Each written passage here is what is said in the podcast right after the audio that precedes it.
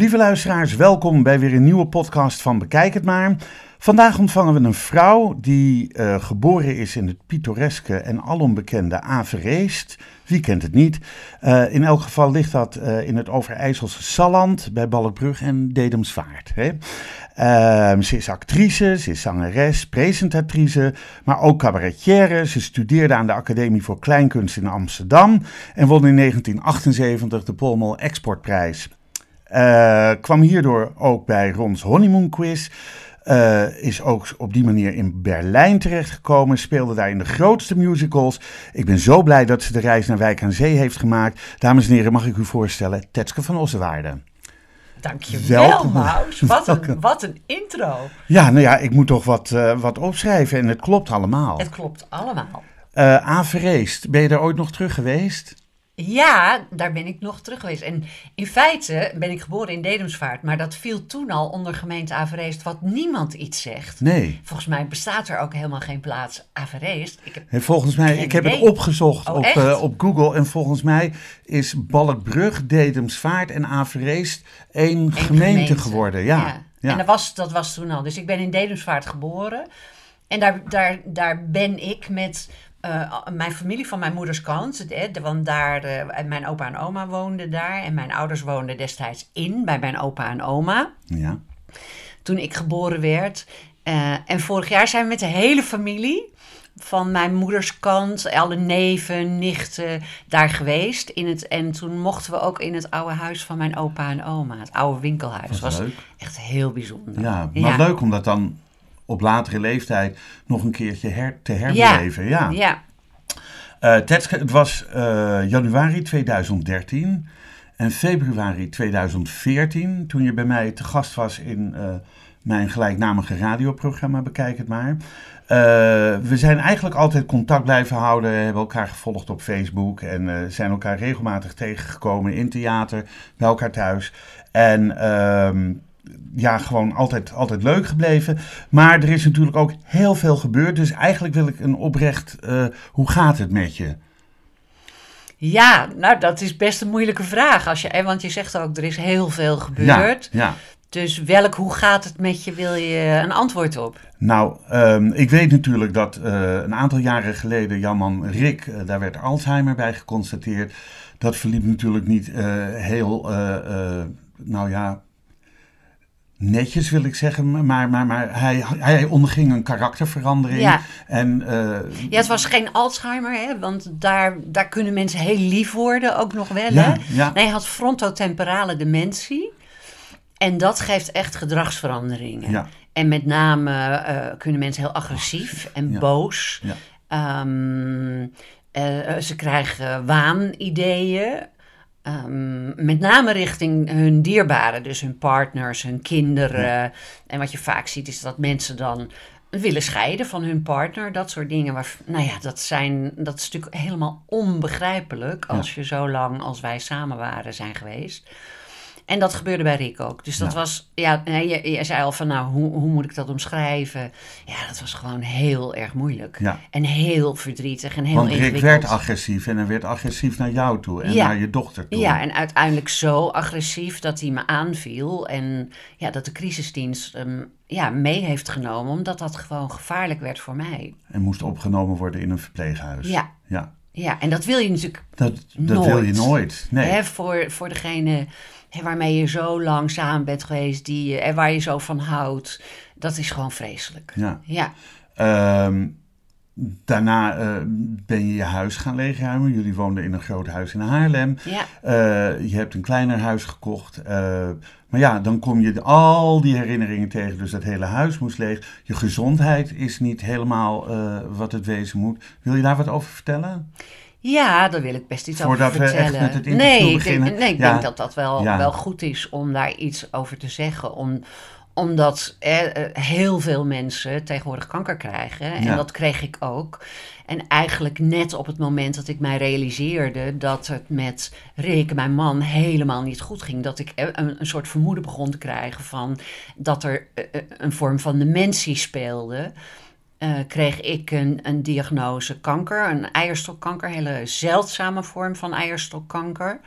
Uh, heet granulosa celtumor. Nou, dat zal de meeste mensen niks zeggen, maar ongeveer 15 vrouwen per jaar krijgen dat. In Nederland. In Nederland. En, uh, en ja, dat is ingewikkeld. Want, en dat geldt voor alle zeldzame kankers. Hè, omdat er dan ja, qua behandeling, artsen weten het gewoon niet zo goed. Uh, het enige wat ze weten is dat opereren het beste werkt. Dus dat is ook gebeurd. En dat chemo nou niet echt geweldig werkt. Dus dat is mij bespaard gebleven. Dat is natuurlijk heel fijn. Um, maar met deze vorm van kanker is, uh, ja, is het ook zo dat het je hebt een grote kans dat het terugkomt. Hè? En dat is bij mij nu ook het geval. Dat zou je niet zeggen. Als je mij ziet, denk je, nou... Leuke, lieve, leuke, gezonde vrouw. Zo. Dat is het gevaarlijke. Dat is natuurlijk het gevaarlijke van heel veel ziektes überhaupt. Dat je, hè, dat je het niet ziet totdat iemand denkt, er is iets met me. En dan zijn er vreselijke dingen aan de hand. Um, nou, ik weet in elk geval dat er iets aan de hand is wat niet oké is.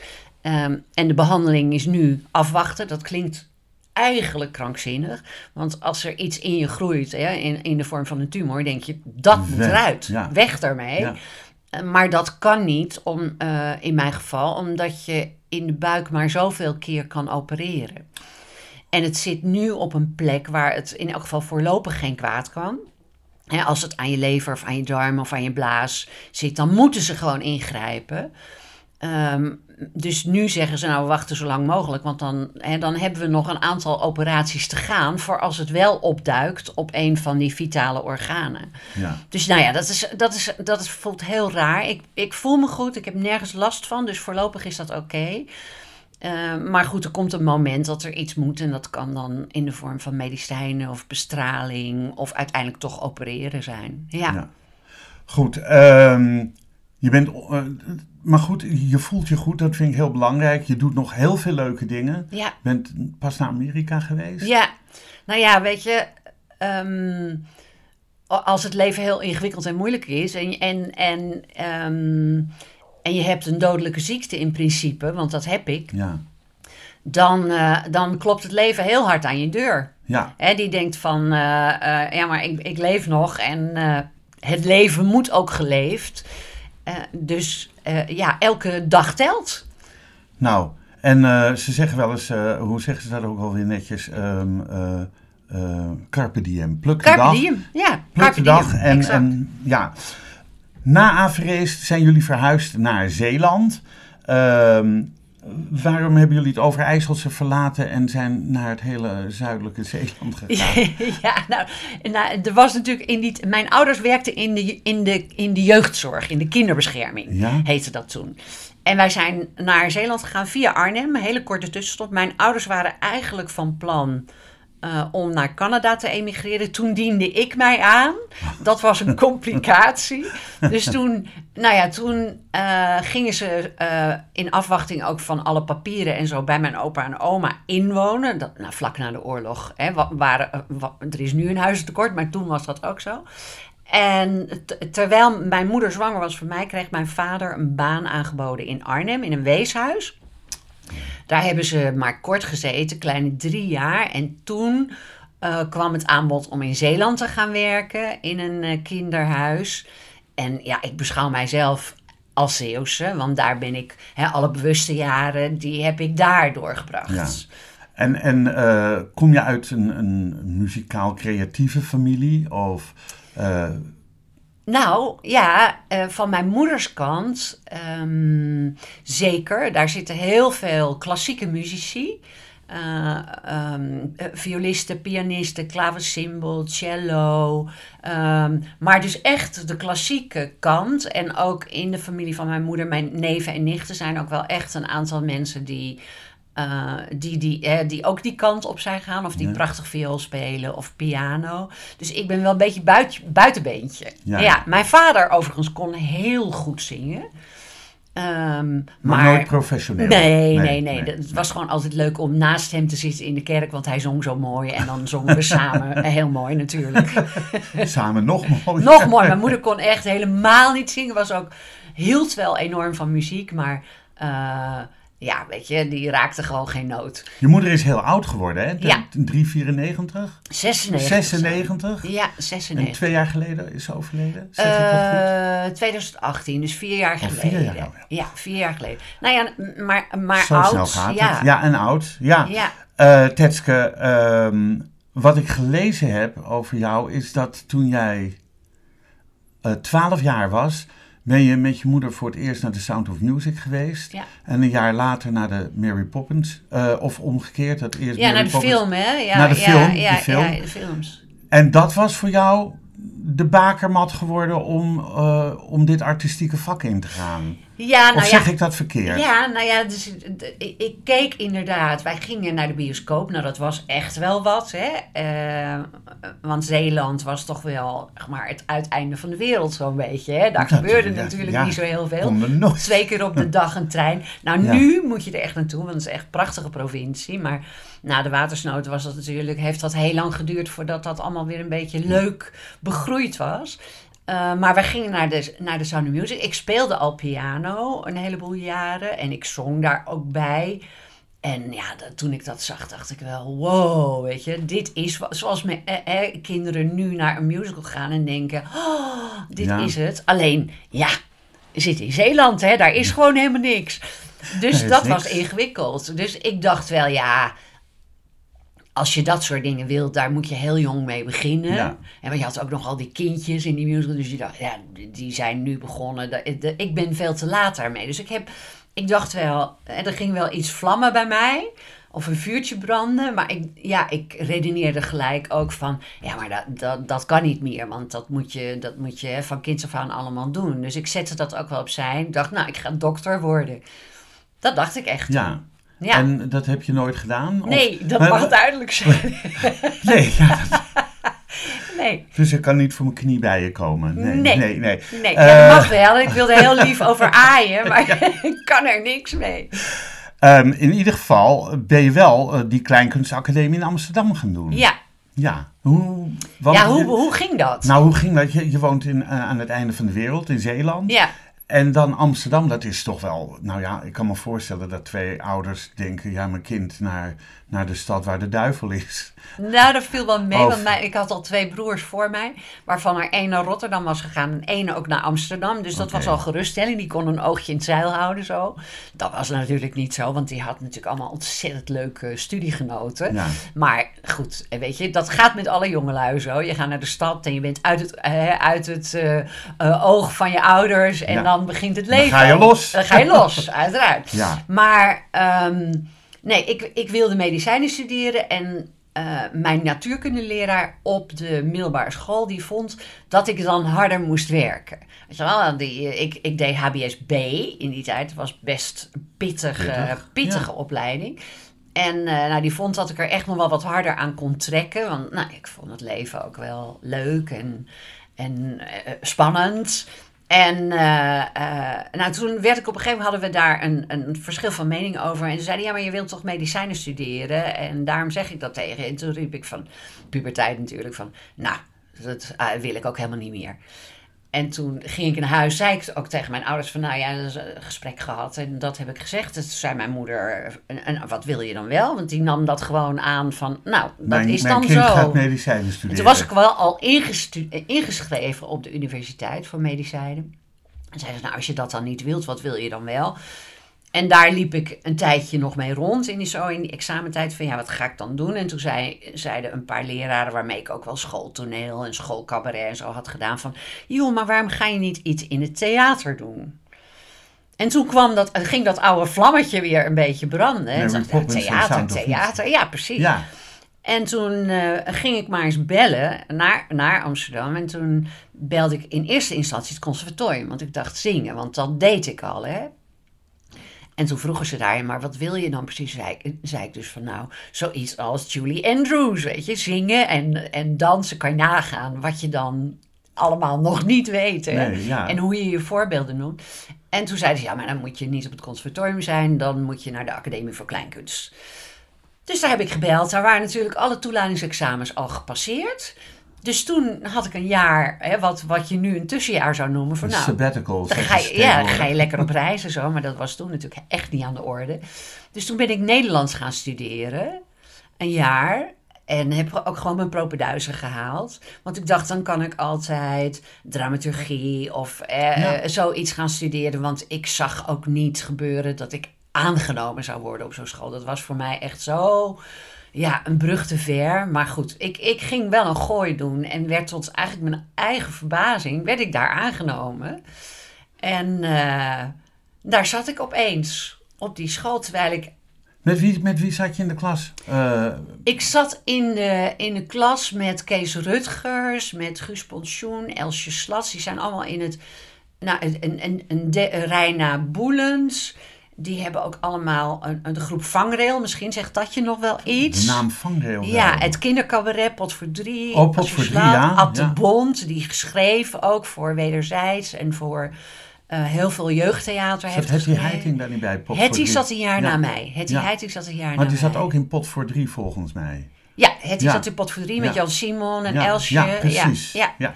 ja, dus, dus nou, heel veel mensen hebben wel echt eh, in elk geval een tijd gewerkt of in de, in de periferie van het theater. En ik, nou ja, ik heb, eh, eh, ben gewoon mijn droom achterna gegaan, hè, de musical. Ja, want eh, eh, op een gegeven moment ben je met Sita Bolt eh Vaders Trots, eh, een duo Ja. Vaders Trots geworden. Ja. Geworden, hebben jullie opgericht. Ja, En ehm, met een programma Krullen van Jezelf. ja, Je hebt ze nog steeds.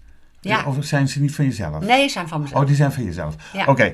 Eh, wat voor programma was dat? En het was een cabaretprogramma. Het was een cabaret. Ja, ja, nou ja, ik, was, ik had een jaar in Amerika gestudeerd, in New York. Ik had een beurs gekregen van eh, ehm, CRM. Marga Klompé was eh, Ja, ja, ja. eh, lang geleden de eerste vrouwelijke minister. Exact. Ja. En, en eh, met die beurs ben ik een jaar naar New York gegaan en heb ik gestudeerd. Dus dat heeft wel echt mijn blik verbreed. Omdat ik wilde musical. Nou, daar was in Nederland helemaal geen sprake van. Hè. Er waren wat Annie Schmid musicals. Ja. Maar ja, dat, dat, was, was voorbehouden aan eh Connie Ja. Stewart, Willem Nijholt. Jenny en, Arian, Jenny Arian, de grote je, Frans Frans Halsema. Ja. Nou ja, en, eh, eh, dus daar zat je in een soort eh, eh, catch-22. Want je moest naam hebben om erin te komen. Maar ja, als je er niet in kwam, dan had, kreeg je ook nooit een naam. Dus, Nee. en, ik, en ik had het gevoel dat, eh, dat er meer was. Omdat het toch, de Annie musicals, hoe goed ze ook eh, waren en zijn. Want ik vind ze nog altijd Nog goed. steeds leuk om te horen. En nog steeds leuk. was The Sound of Music of Mary Poppins wel echt iets anders. Ja, En ehm, dus ik wilde mijn vleugels uitslaan. En heb een jaar in New York eh, gestudeerd. En ontzettend veel gezien. Dus ik had ook een koffer vol met songboeken. Ik heb gewoon mijn kleren achtergelaten. Allemaal LP's en songboeken erin. Dus met Sita hebben we een programma geschreven. waarin heel veel musicalnummers zaten. die niemand hier nog kende in die tijd. maar van musicals die ik daar had leren kennen.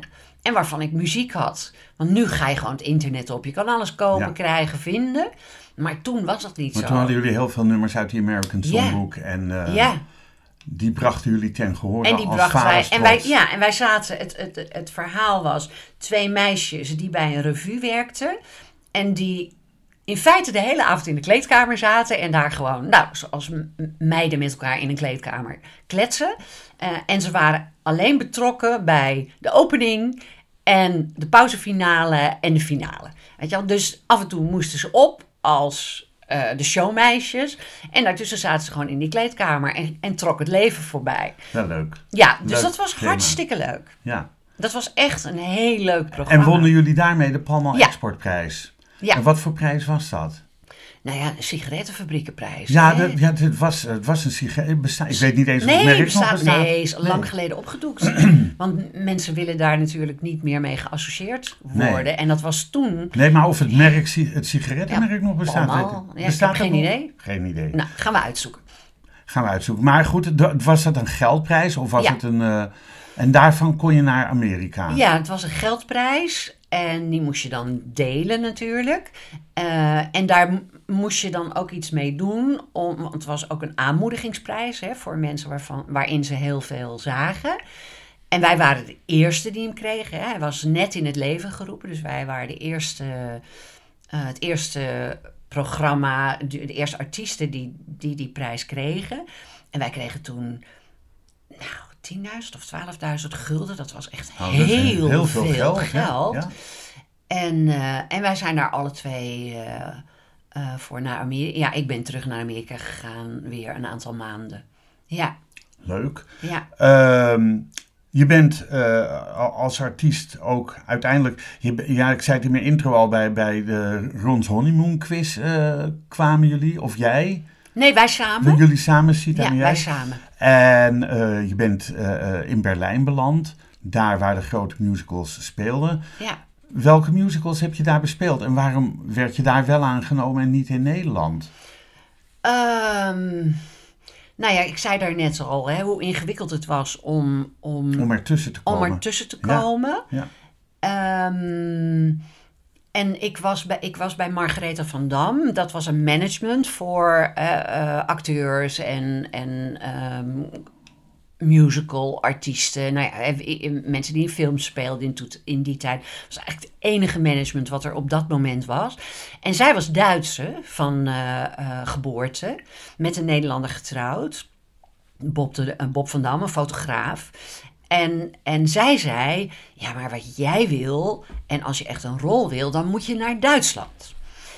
Nou, ik sprak goed Duits, want ik, ik ben in Zeeland opgegroeid. Daar kwamen de Duitsers al heel snel terug naar de oorlog. En ik werkte in de bediening om extra geld te verdienen. Dus ik had mijn Duits eh, eh, daar wel echt aan, ja, opgehaald en, en verbeterd. Ja. Dus zij had op een gegeven ogenblik een auditie voor mij geregeld in het Deutsches Theater. Dat is echt, qua acteren, echt een groot theater, nog altijd. En daar was Peter Zadek en die ging een revue doen van Hans Vallada. Allemaal beroemdheden in Duitsland. En zij had een auditie geregeld daar. Dus nou, ik daarheen. En toen had ze me een envelop meegegeven en die moest ik afgeven in het Theater des Westens. Dat is nog altijd hè, het grote musicaltheater in Berlijn. Eh, dus na mijn auditie eh, liep ik naar dat theater voordat ik terug naar het vliegveld moest. En toen eh, was daar een auditie aan de gang, een chorus line auditie. En ik had ooit in New York, toen ik daar studeerde, ook auditie gedaan voor Chorus Line. Toen Chorus Line Chorus Line nog niet was, maar een workshop. Een soort Ja, ja. van workshop.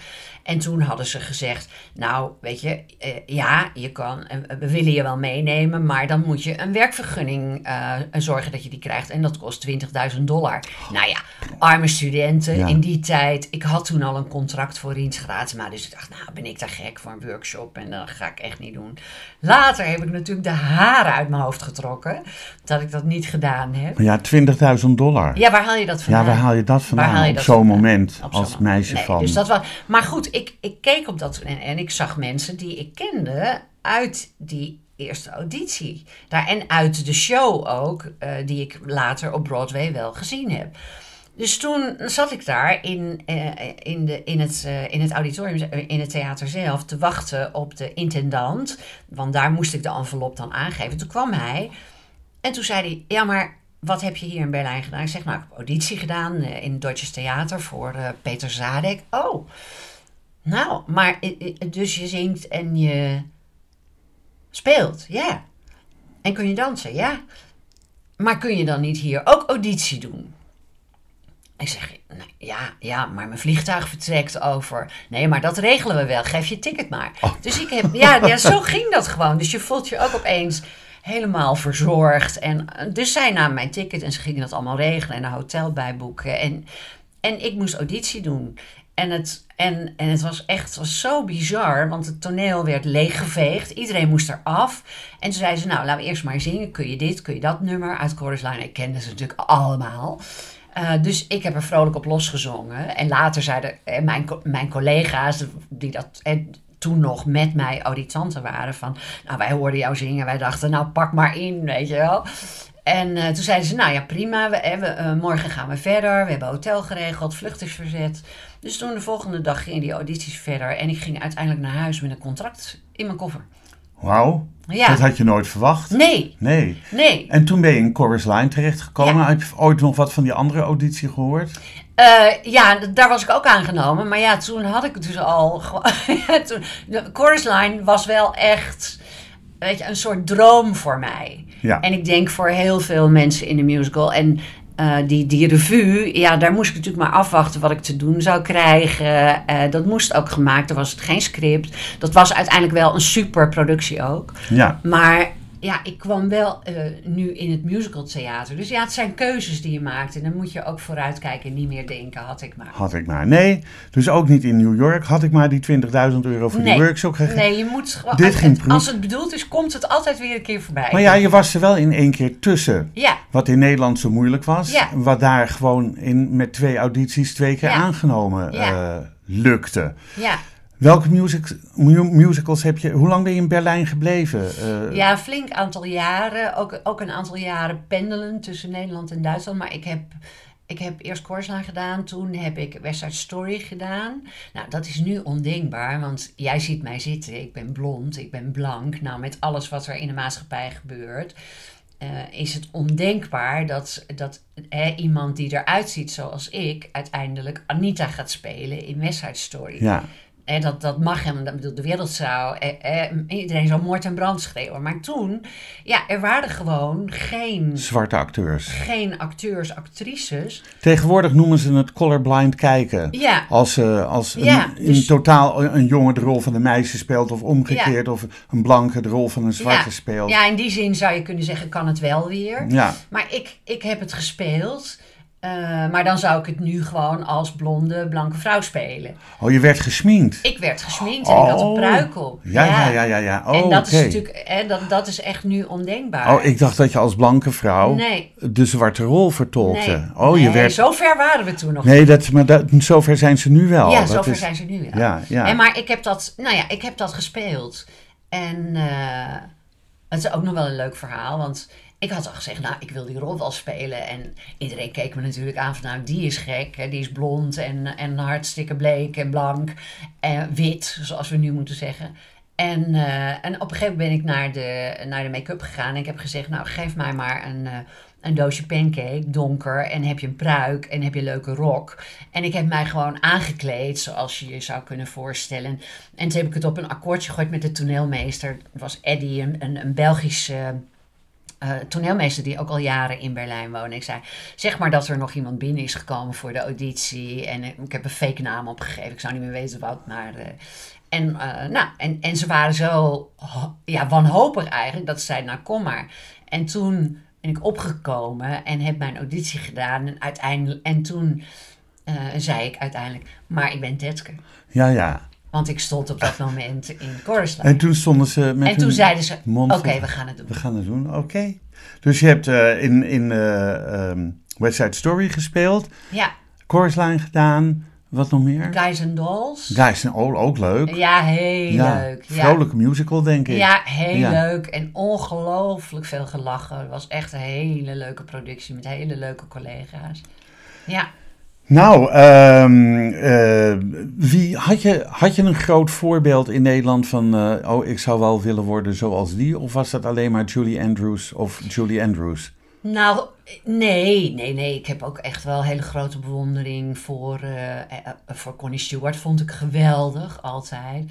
Maar ook eh, Jasperina de Jong is, was wel echt een voorbeeld. Weet je, die vond ik wel, dat vond ik, en dat vind ik nog als ik nu... Ik liet laatst ehm, Roll Another One zien Non. aan de vriend van eh, eh, eh, mijn dochter. En Die, want die had nog nooit van haar gehoord. Zei, nou, dan moet je iets kijken. Dus Ja. nou ja, ik dacht, oh, Roll Another One, dat is wel leuk. En dan zit ik daar naar te kijken en dan denk ik...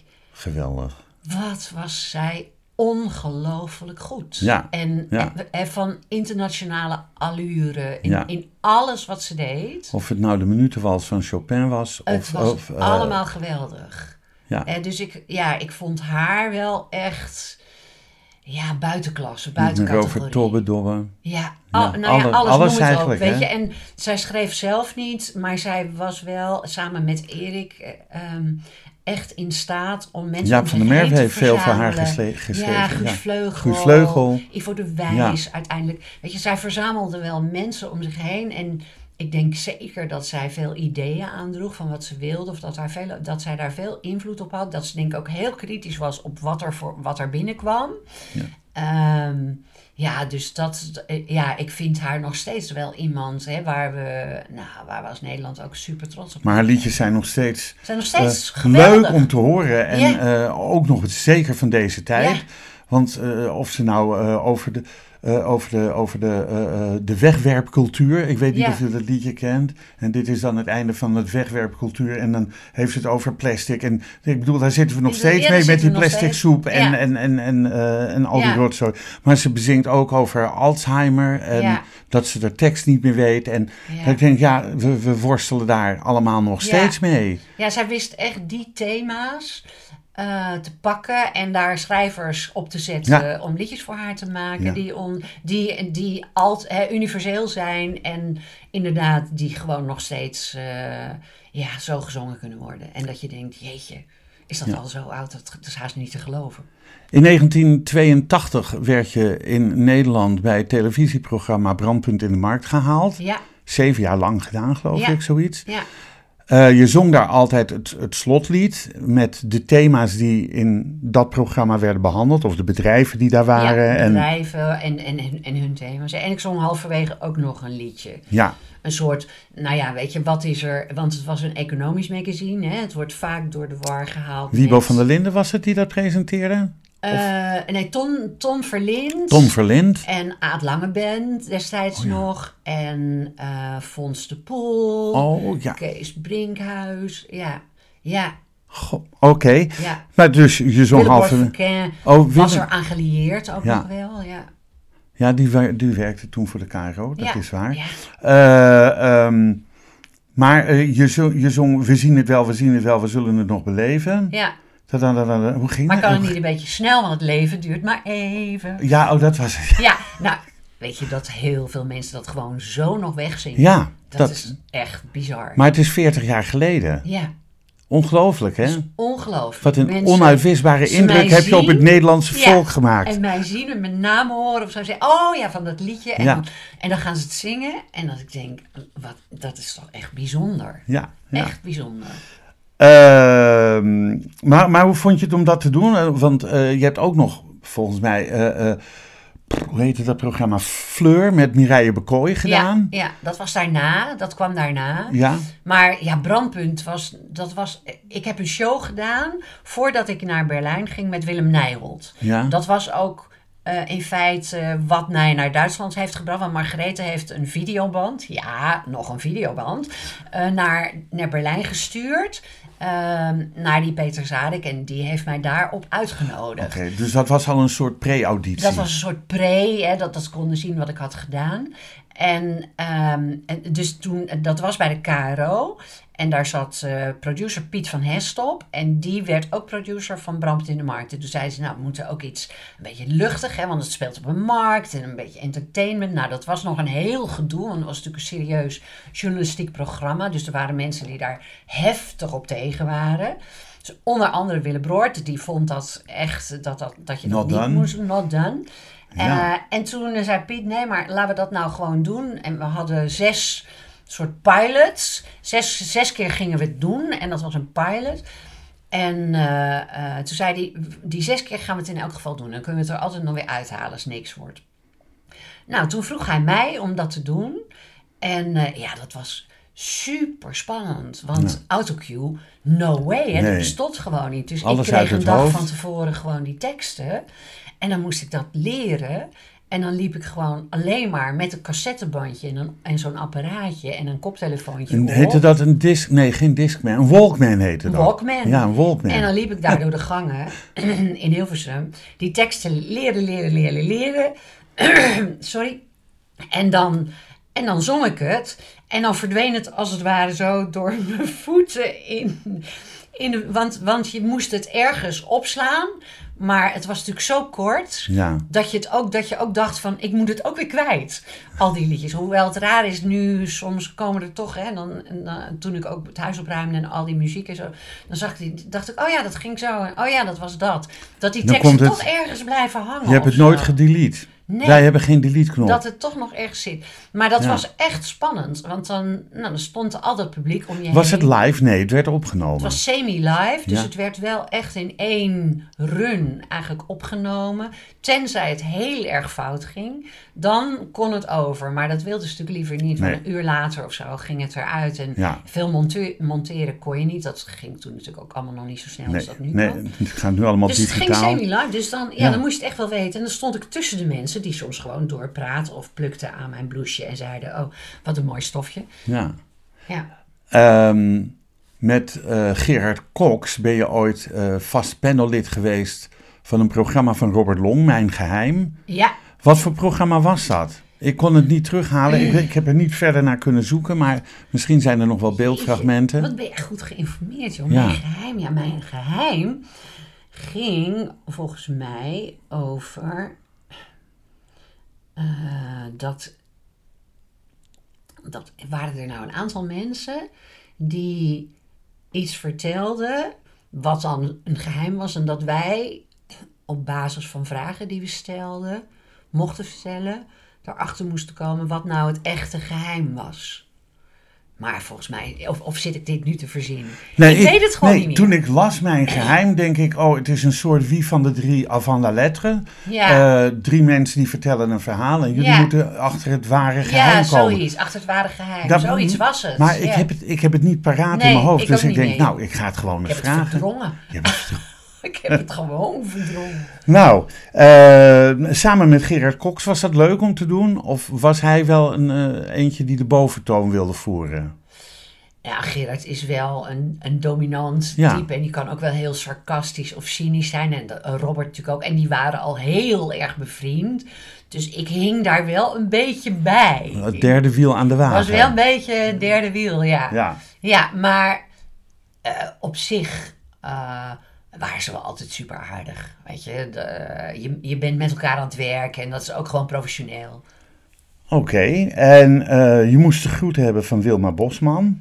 Dank je wel. In het, eh, in het ICOM-programma De Papegaai. Ja, Had je daarna genoeg van acteren en presenteren? Of? nee, nou, de papegaai was wel een hele mooie eh film, docu-serie. docu- nou ja, een docufilm misschien, hè? Ja? Want het ging over mensen die moesten vluchten uit Nederland. Ehm, en daar, daar heb ik een rol in gespeeld. En want aan, aan- mijn man en mij werd gevraagd of wij iemand wilden verbergen een tijdje. Nou, daar, daar waren we niet zo van gediend, hè? eh, uit, angst van. Ehm, eh, verraden te worden of zo. Dus eh, nou ja, we waren niet zeg maar de echte goede behulpzame familie, weet ik wel. Dus ik vond dat wel, ik vond dat wel heel indrukwekkend, moet ik zeggen. Die, eh, Papegaai. ja, Ja. als script.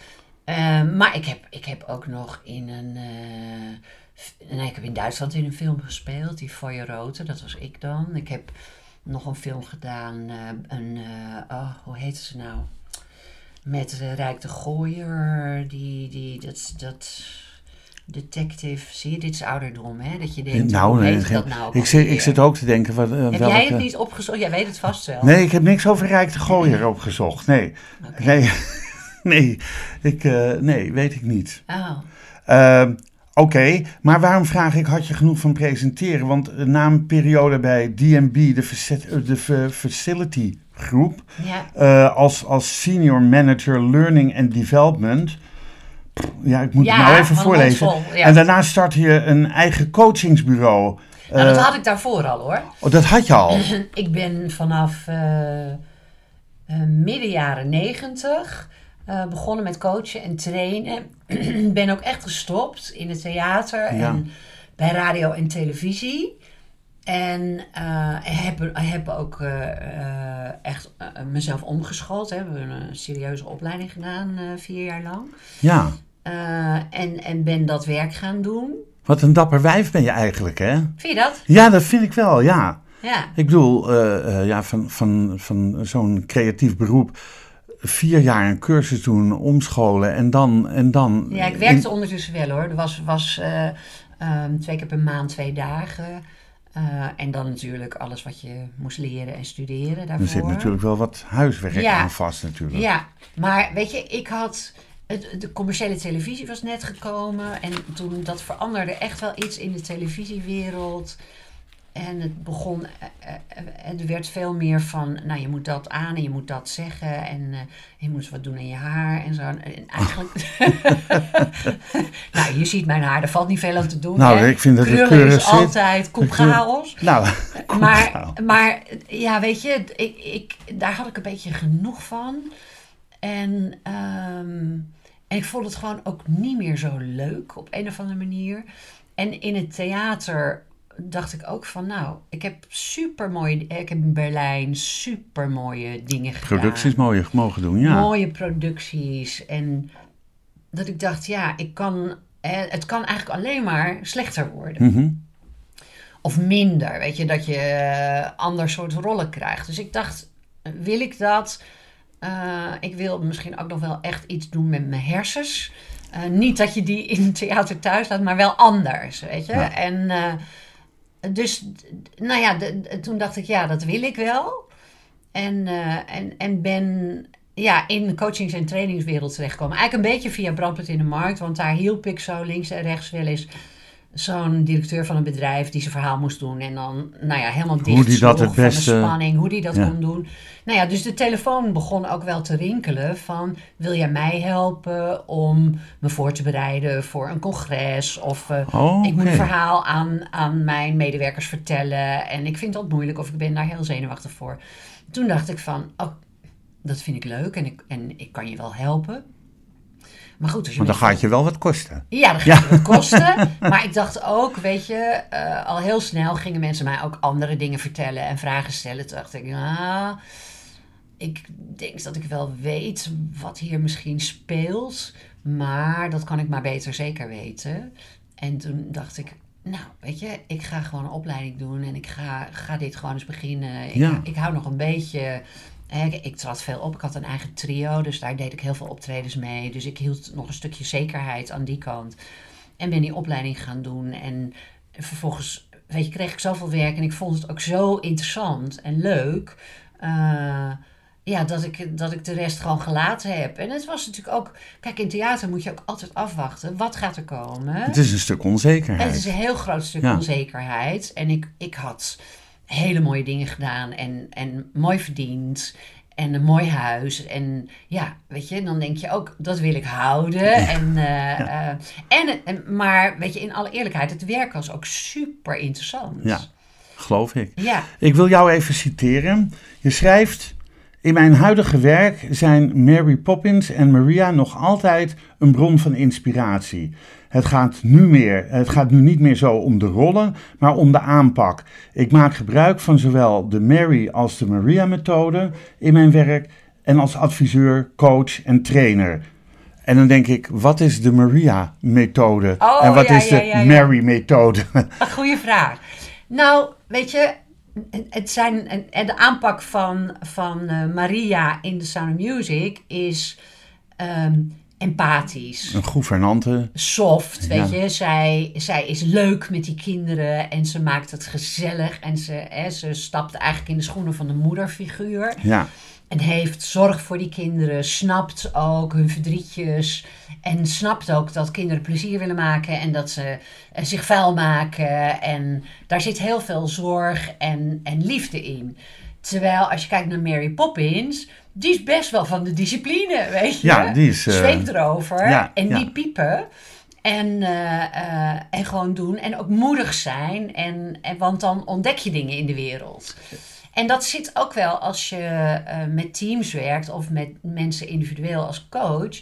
Je, je wilt mensen wel het gevoel geven dat ze veilig zijn bij je. En, en, eh, en dat je ze begrijpt. En, eh, en het moet ook, ze moeten ook wel het gevoel hebben van, nou, we kunnen ook lachen met elkaar. Maar aan de andere kant wil je ook wel dat mensen verder gaan en dat ze uit hun comfortzone stappen en dat ze nieuwe dingen proberen. Want meestal komen ze omdat ze vast zijn gelopen in wat ze doen. Ja. Maar ik, ik las zelfs op jouw site volgens mij het supercalifragilisticexpialidocious eh, eh, moment of, of effect. Weet ik niet meer. Oh, Stond op jouw site. echt waar? Ja? Oh, dan moet ik even gaan kijken. Ja, oh, dat. nou, laat zitten. Het Ja, wordt het, nou ja, eh, dat, weet je, het is... De, is- maar ik vind het wel leuk dat, die- dat die dingen van 40, 50 jaar Ja. geleden. Eh, bij het werk wat je toen ging doen, eh, 30, 40 jaar later. eh, ehm, dat dat zo van toepassing is. En dat je inderdaad de, de strenge methode en de softe methode. Ja. om die twee types dan maar even aan te houden. Ja. hebt gebruikt om je werk op een goede manier uit te voeren. Ja. Wat grappig. Ja, nou ja, het is misschien een soort thema in mijn leven, hè, wat ik gezien heb toen ik zo jong was. Wat, wat, eh, wat me toen zo aansprak. En, en natuurlijk ook de start, hè, wel het, het, het, het, het, het vuurtje heeft ontstoken toen van het theater. Maar het gaat, het gaat natuurlijk ook over wat, hè, hoe, wat karakteriseert die vrouwen. En Ja, ik dat- bedoel, beide componenten zijn onmisbaar in, Ja. in het bedrijfsleven. Zowel het Ja. strenge als het, eh, Ja. als het, als het wat softe. En ehm, ja, dat, nou, dat is duidelijk.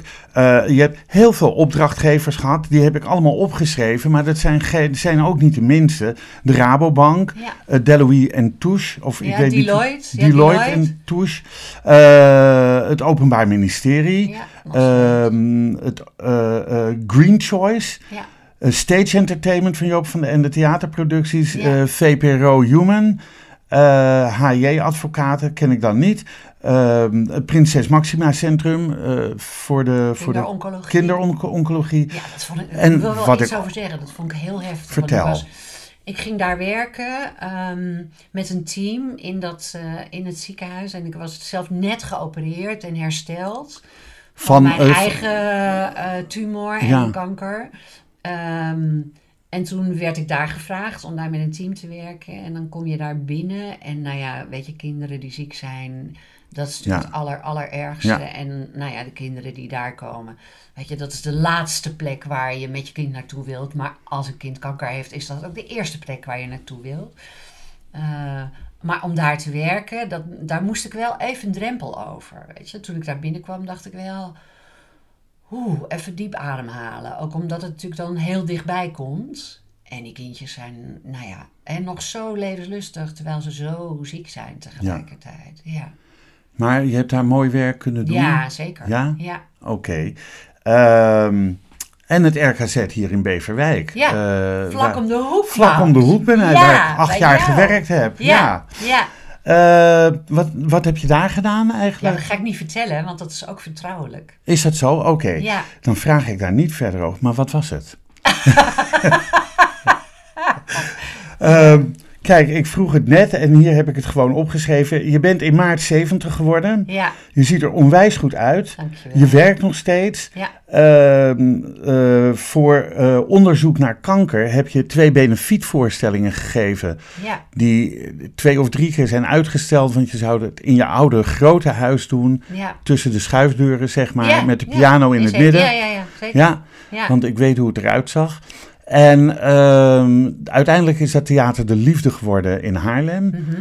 Eh, heb je wat kunnen betekenen voor eh, Ja. het kankeronderzoek? ja. En hoe hebben ze gereageerd toen je dat aanbood?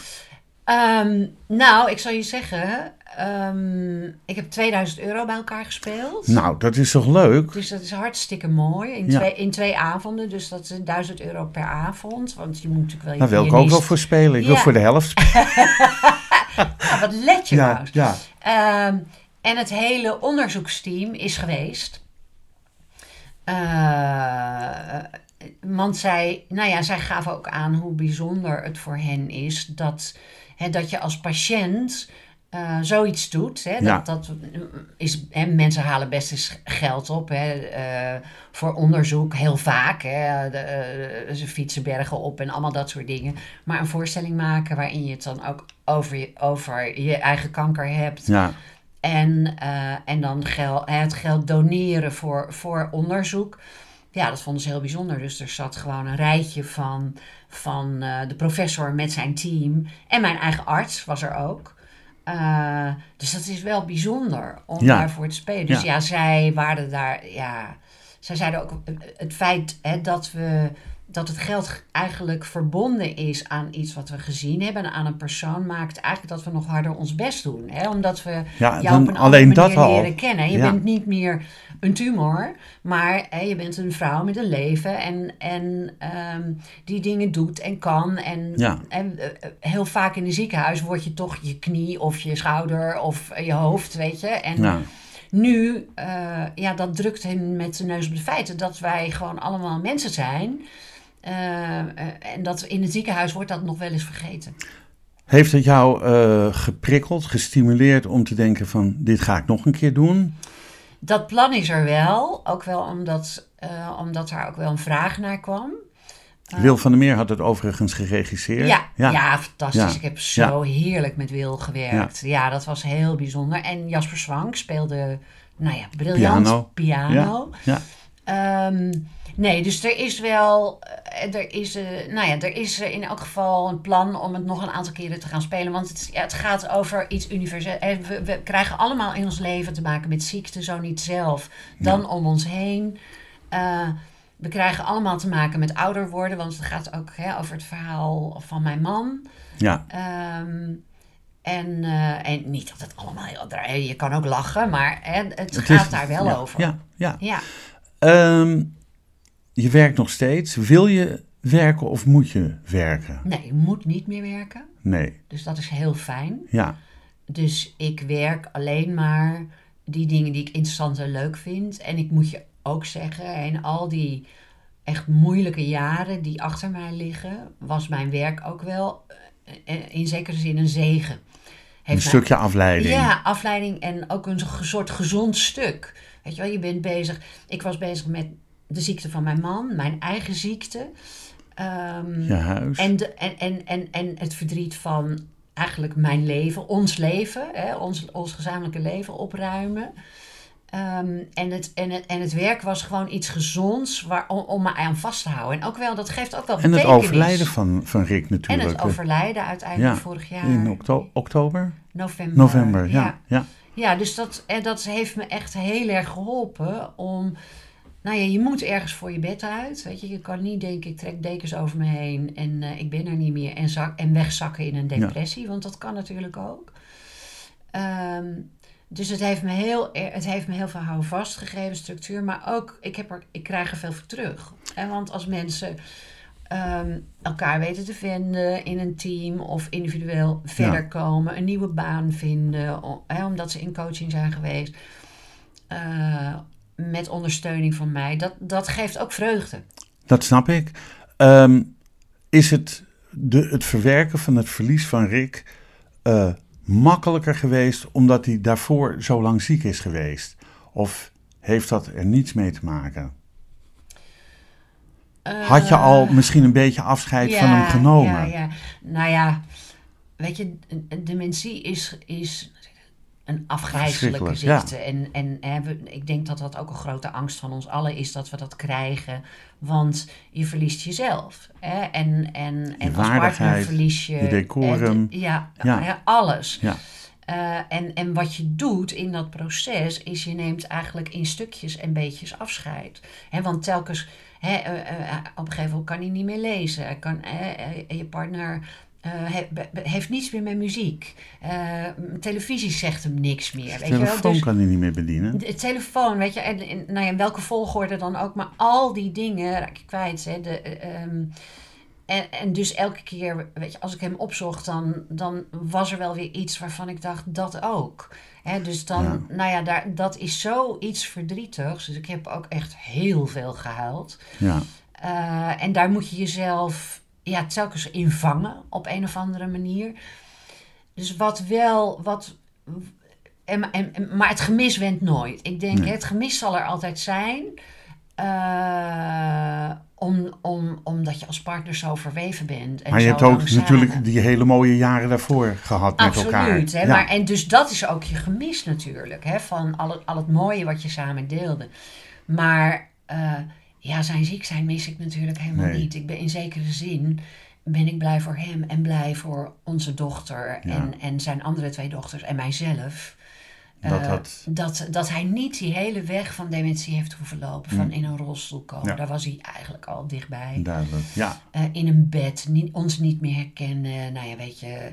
Het, de ontmenselijking is Ja. hem bespaard gebleven. Dus dat, eigenlijk nou ja, was alleen de buitenkant nog wat Rick was misschien. En van binnen of geestelijk Ja. helemaal niet meer. Ja. ja. Hè, dus in zekere zin, ik, wa- waar ik aan gewend was, was al alleen zijn. Want hij was, eh, toen hij overleed, was, was ik al anderhalf jaar alleen.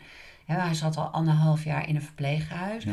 Dus daar was ik wel aan gewend. En, en dat is, dat is, ik denk dat het wel anders is als je partner overlijdt en je bent samen, hè, tot die tijd altijd samen geweest. Dan, dan, hè, dan komt dat aspect er ook nog in alle hevigheid bij. ja. En daar was ik wel echt al aan gewend. Van Ja. oké, ik ben nu alleen. ja. Eh, maar het gemis van, van je partner, ja, dat wint denk ik nooit. Dat neem je mee in je leven. En hij is ook gewoon om me heen in zekere Ja. zin. Ja. Snap ik. Ehm, is er nog iets, Tetske, wat jij op creatief of zakelijk gebied zou willen of willen bereiken in dit leven? Oeh. Behalve dan misschien nog een benefietvoorstelling Ja, maken. ik zou nog wel een paar keer willen spelen. Ja, Maar weet je, ik voel mij ook wel echt een bevoorrecht mens. Ik heb, mijn, ik heb heel lang ik, één partner, ik ben nooit gescheiden. nee. Je Ehm, hebt een mooie dochter. een prachtige dochter, ontzettend lieve dochter. Ehm, Leuk als ze dit hoort straks. ja, een leuk leven. ik, eh, ik heb een, een, een mooi leven gehad. Ja. Ik heb ontzettend veel dingen kunnen doen. Ik heb gereisd. Ik heb in het buitenland gewoond hè, voor mijn theaterwerk. En ik, ik kom nu en kwam ook veel in het buitenland voor het werk. Hè. Wat ik daarna ben gaan doen, dat vind ik ook. Hè, de wereld is groot. Ik voel mij ook wel een wereldburger. Is er nog iets op mijn lijst? Nou, weet je, ik denk, mijn gezondheid. Weet je, ik denk, Ja, als ik gezond blijf, weet je, dan kan er van alles gebeuren. En dan kijk ik wel hè, wat er op mijn pad komt. En daar ga ik gewoon van genieten. Maar ik heb niet... Ik, sommige mensen hebben bucketlijsten, maar Ja. dat heb ik nooit gehad. En dat... ehm, je bent een tevreden mens. ik ben best wel tevreden. En ik ben ook dankbaar voor elke dag en, en de dingen die op mijn pad komen. Ja. Leuk. Tetske, ik wil je graag bedanken voor je komst. Het open gesprek dat we hebben gehad. En ik wil je voor de toekomst graag heel veel succes, maar vooral gezondheid wensen. Eh, deze podcast wordt uitgegeven door de Vrijstaat Roots. Alles is na te lezen op www.bekijkhetmaar.com. Dank voor het luisteren en wat mij betreft heel graag tot de volgende podcast.